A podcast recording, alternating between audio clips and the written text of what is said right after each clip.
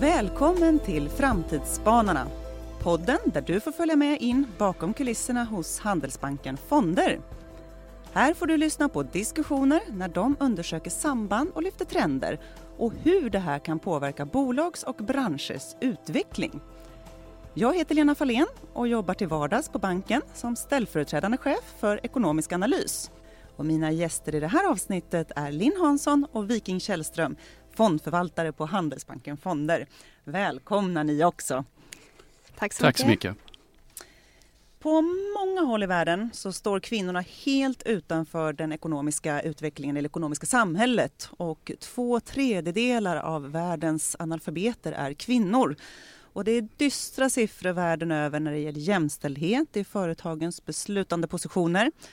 Och att bättre inkludera och utbilda flickor och kvinnor, det är ett måste. Sett ur ett lönsamhetsperspektiv så är det inget tvivel.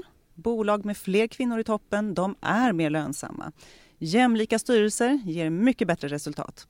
Och idag så ska vi prata jämlikhet, där finansiell inkludering kan vara en del av lösningen.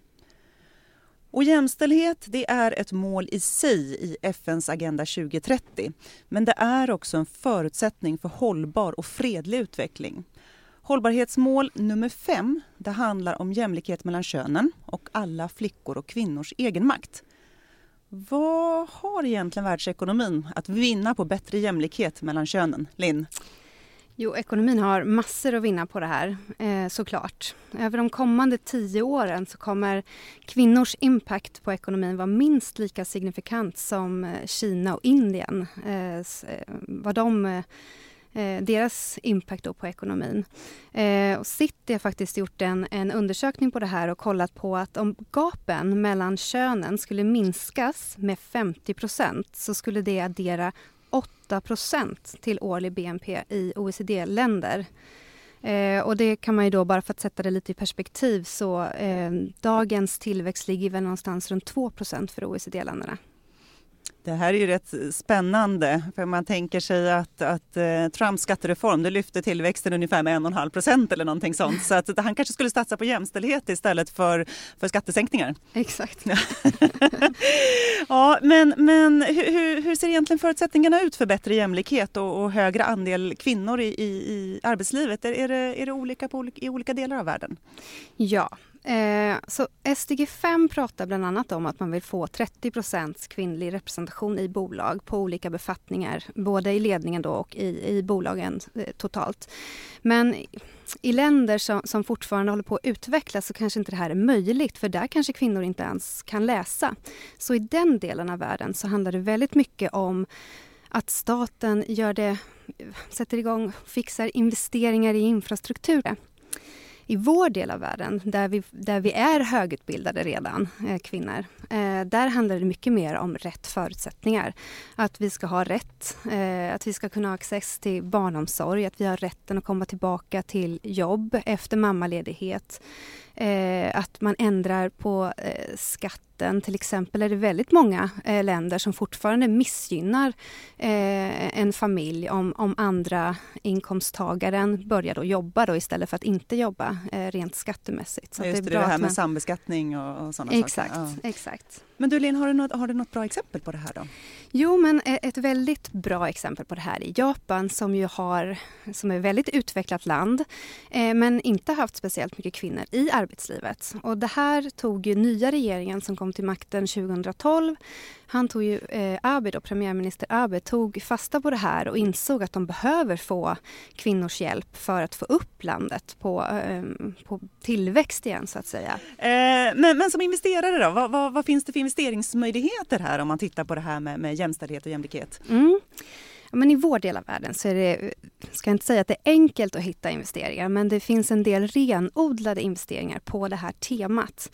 Eh, till exempel kan man investera i dagis. Eh, vi har eh, ett, en investering i USA som heter Bright Horizon som, som är ett, ett dagis. Eller eh, till viss del också hudvård och smink. Man såg en stark koppling i Japan på fler antal, antal kvinnor som jobbar och konsumtion av hudvård och smink. Och eh, där har vi till exempel Shiseido eller Paula Orbis som ju också fungerar som arbetsgivare till kvinnor som vill komma tillbaka.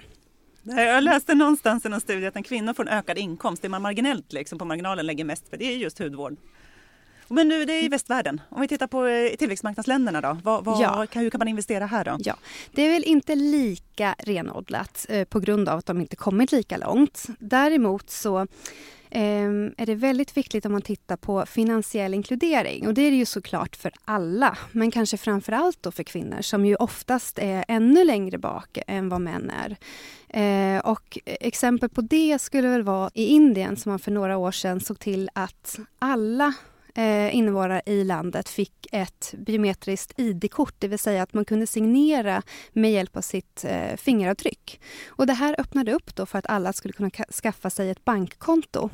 Och det här har ju såklart inte bara att göra med kvinnligt eh, arbetsdeltagande och så vidare, utan eh, men, det, men det som är viktigt att titta på här, det är ju att man dels fick upp en stor andel av befolkningen som har ett konto men framför allt att lika mycket kvinnor som män har ett konto. Och landet, Indien, har ju vunnit jättemycket på det här genom att man till exempel då kan eh, eh, skicka pengar direkt, alltså subventioner och bidrag direkt till den personen som, som behöver det så att man minskar läckaget. Men också, Korruption och sådana saker? Exakt, ja. exakt.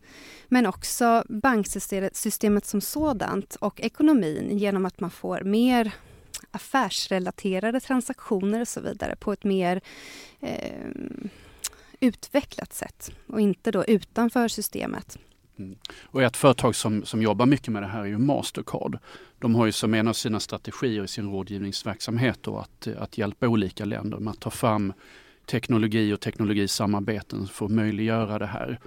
Eh, ofta så kopplar man ihop då till exempel en del av, av de statliga tjänsterna som finns eh, inom hälsovård, pension, försäkring med eh, banker och telekomoperatörer så att man kan skapa en eh, mobilbaserad integrerad lösning då för att få med så många människor som möjligt i de här väldigt stora länderna till exempel som Indien och eh, Indonesien är en av de marknader man faktiskt har, har kommit längst i den här typen av, av samarbete. Och Mastercard är ju någonting som har funnits i, i många portföljer här eh, på Handelsbanken ganska länge och det har funkat väldigt bra. Sen så vet jag att ni har pratat om någonting som kallas för det rosa glastaket. vad, vad är det egentligen? jo men det är ett uttryck som egentligen då myntades av en amerikansk eh, investerare, Cindy Whitehead. Men, men innan man går in mer på vad det innebär så kan man ta ett steg tillbaka och bara titta på eh, hur det ser ut då i västvärlden, i vår del av världen. Det här, trots det här tillväxtargumentet, att man fakt, alltså, länder, ekonomier har mycket att vinna på att få fler kvinnor eh, som jobbar, eh, så har det faktiskt stannat av i vår del av världen. Ovanför då det här glastaket mm. som man till exempel pratade om då. Eh, kvinnor kommer bara till en viss nivå eh, i organisationen och sen ovanför det så kanske det fortfarande är en mansvärld. Eh, och den här amerikanska Cindy Whitehead som för övrigt då är grundare till ett kvinnligt Viagra. Hon sålde den här medicinen för en miljard dollar eh, och använde pengarna till att starta då ett riskkapitalbolag som heter Pinkubator och där då pratar och lanserar begreppet the pink ceiling just för att liksom lyfta den här, det här problemet till en högre nivå. Och i hennes riskkapitalbolag då så, så hjälper hon eh, kvinnliga startups, eh, entreprenörer eh, att få access och kapital då, eh, access till med mentorer för de här kvinnorna och så vidare. Och de, de fokuserar i huvudsak på, på produkter som är riktade till, till kvinnor. Som vad då? Uh, Ja, alltså det här är inte mitt expertområde då, men, men eh, det är till exempel eh, graviditetstest som går att spola ner i toaletten om man inte vill avslöja att man vill göra ett graviditetstest då. Eh, så, så det finns tydligen stort mm. behov av, mm. av den typen av produkter. Men nu pratar vi om att det stannar av de här jämställdhetsfrågorna och så vidare. Hur ser det egentligen ut här i Sverige då? Här, här hör man väl att vi är väldigt jämställda, eller? Ja, eh, det är vi ju i, ett, i en global jämförelse såklart. Däremot om man tittar på finansbranschen som vi jobbar i, där är det visserligen jämställt på antal kvinnor och män i organisationen, men likadant som vi har sett på andra platser i världen. Ju högre upp i organisationen man kommer, desto mindre kvinnor finns det. Faktiskt bara 30-35 procent eh, representation på ledningsnivå och styrelser. Och vi tjänar bara, kvinnor tjänar bara 70 procent av männen, mm. männens lön. Nej, sen så om man tittar på, eh, på börsen då så har vi haft en ambition i Sverige att eh, öka till exempel andelen kvinnor i eh, styrelser. Eh, kör man en, och tittar på eh, All Share Index på, på Stockholmsbörsen så ser man att snittet ligger på ungefär 30% kvinnor i styrelserna. Men om man granskar datan så ser man att eh, det är rätt många bolag som eh, har väldigt knapphändig eh, kvinnlig representation och väldigt, väldigt få eh, som verkligen är jämlika. De kan man nog räkna på, på ena handen om jag inte misstar mig. Eh, och det är återkoppling till det som Linn sa att eh, man sätter ett mjukt mål, det är ingen lagstiftning man rör sig sakta dit men man gör inte så, så mycket mer. Och det är klart att det, det är ju lite problematiskt hur, huruvida man ska eh, Eh, göra rekommendationer eller sätta upp mål eller om man ska gå framåt med, med lagstiftning. Därför att det finns ju andra principer som man kanske kommer i, i konflikt med som äganderätt. Om, om en person startar ett bolag ska då den politiska sfären gå in och bestämma i detalj. Eh, men det där dras ju lite fram och tillbaka. Vi, vi kommer komma in på det lite senare att eh, det finns väldigt positiva effekter av att sträva mot högre jämställdhet. Ja, men jag tänker rent krasst ekonomiskt så talar ju siffrorna sitt ganska tydliga språk. De, de visar ju att, när man, att, att bolag som har jämlika styrelser, de är mer lönsamma, eller hur? Ja, absolut. Så dels då mer lönsamma om de har kvinnor i högsta ledningen. Eh, men också att man når den här lönsamheten på, med en bättre finansiell stabilitet i bolaget. Alltså mindre risk och högre lönsamhet med fler kvinnor i ledningen. Mm. Och Viking, du, du är ju jättebra på att grotta i siffrorna här och du har ju studerat aktieavkastningen för bolag med mm. olika grad av jämställdhet. Vad är det du har kommit fram till? Eller ni? Ja, just det. Om man, om man backar ett steg så är det så här att eh, någonting som vi jobbar väldigt mycket med på, på Handelsbanken det är ju att på olika sätt titta på hur vi kan integrera och inkorporera och jobba med eh, hållbarhetsfrågor i våra investeringsprocesser. Eh, och allt eftersom datan blir mer och mer tillgänglig så, här, så kan man ju undersöka liksom vad det är för typ av, av samband som, som finns. Vi vill helt enkelt ställa frågan, liksom, är det, finns det så att säga, ytterligare aspekter på det här med att hålla på med hållbarhet förutom att sträva efter att göra världen bättre? Påverkar det faktiskt vår avkastning? Eh, och när vi i vår grupp då, eh, jag och Linn och några andra kollegor jobbade just med eh, jämställdhet så Eh, bestämde oss för att titta på det här eh, rent eh, kvantitativt. Då. Så vi har då studerat eh, S&P Global 1200. Det är då ett eh, globalt index som innefattar 1200 globala företag spridda över hela världen. Och eh, där har vi tagit fram då, eh, data på tre nivåer för att studera jämställdheten. Eh, vi har tittat på fördelningen på top management, det vill säga VD, finanschef och, och så vidare, vilka nu som sitter i eh, toppledningen. Vi har tittat på fördelningen mellan män och kvinnor på arbetsplatsen, det vill säga bland de anställda. Och vi har även studerat då hur jämställd styrelsen är. Och vad, vad kom ni fram till då? Ja, det är jätteintressant för att den datan vi har den sträcker sig tio år tillbaka. Och eh, det visar sig att eh, jämställdhet lönar sig. Och eh, om man då bryter ner det här och funderar på ja, men hur, hur spelar det här roll då? Så börjar man då titta på mm, hur det, det påverkar eh, eh, om man har en jämställd företagsledning eller en jämställd arbetskraft. Så kan man säga så här, över den här tioårsperioden då så, så fick man någonstans mellan 1 och 2 procent bättre avkastning om man valde att investera i de 20% mest jämställda bolagen visar vi de 20% som var minst jämställda. Så att då, då får man säga att ja, det, det är ju faktiskt eh, ganska bra. Jag menar mellan 1 och 2% varje år under en tioårsperiod, det är ju ganska trevligt då. Men det som fascinerade oss mest var ju att eh, det är ju egentligen när kvinnorna kommer upp på den strategiska nivån, på styrelsenivån, som det börjar verkligen bli, eh, bli signifikant. Då. Eh, därför att då är det så här att eh, om man kikar då på de 20 procent, nu blir det lite i mina papper här. För, ja, vi måste ha de exakta siffrorna ja, här, så det, det är bra det, Viking. Nu, det, det, är nästan lite så här vem, vem som var vinnare. Ja, ja, ja, du är jättenyfiken här. Ja, precis. Uh, men om man investerade uh, tio år i de mest jämlika bolagen, uh, räknat på styrelsenivå, då fick man nästan 11 procents avkastning per år.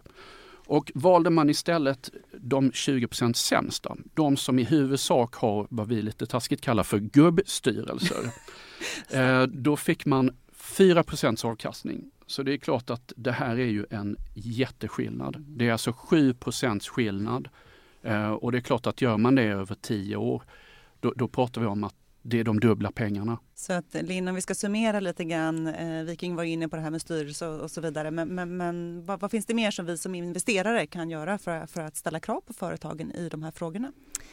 Jo, men vi kan ju ifrågasätta siffrorna som, som bolagen rapporterar. Dels då, precis som Viking sa, utanför Sveriges gränser. Eh, men, men, ibland kan det vara lätt att klanka ner på andra delar av världen bara för att vi själva är så bra på det här med jämställdhet. Men nu tycker jag att man kan ta det till nästa nivå och titta på ja, men om ett bolag rapporterar då 40% kvinnliga chefer eh, i, i bolaget. Det som är mer intressant att titta på det är vilken typ av chefsposition de här kvinnorna har. Är det på personal, administrativa eh, positioner eller hållbarhet?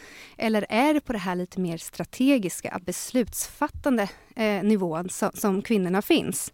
Så ett bolag som har kanske 30-35% kvinnlig representation bland cheferna men har det på VD, techpositionen, på eh, finanssidan. Det för mig står mycket högre eh, i rang än att man har det på det som kanske inte är då det som strategiskt är viktigt för bolaget. Vad spännande, vad intressant. Och med detta så avslutar vi det här avsnittet av Framtidsspanarna. Tack så jättemycket Viking och Linn. Tack. Tack.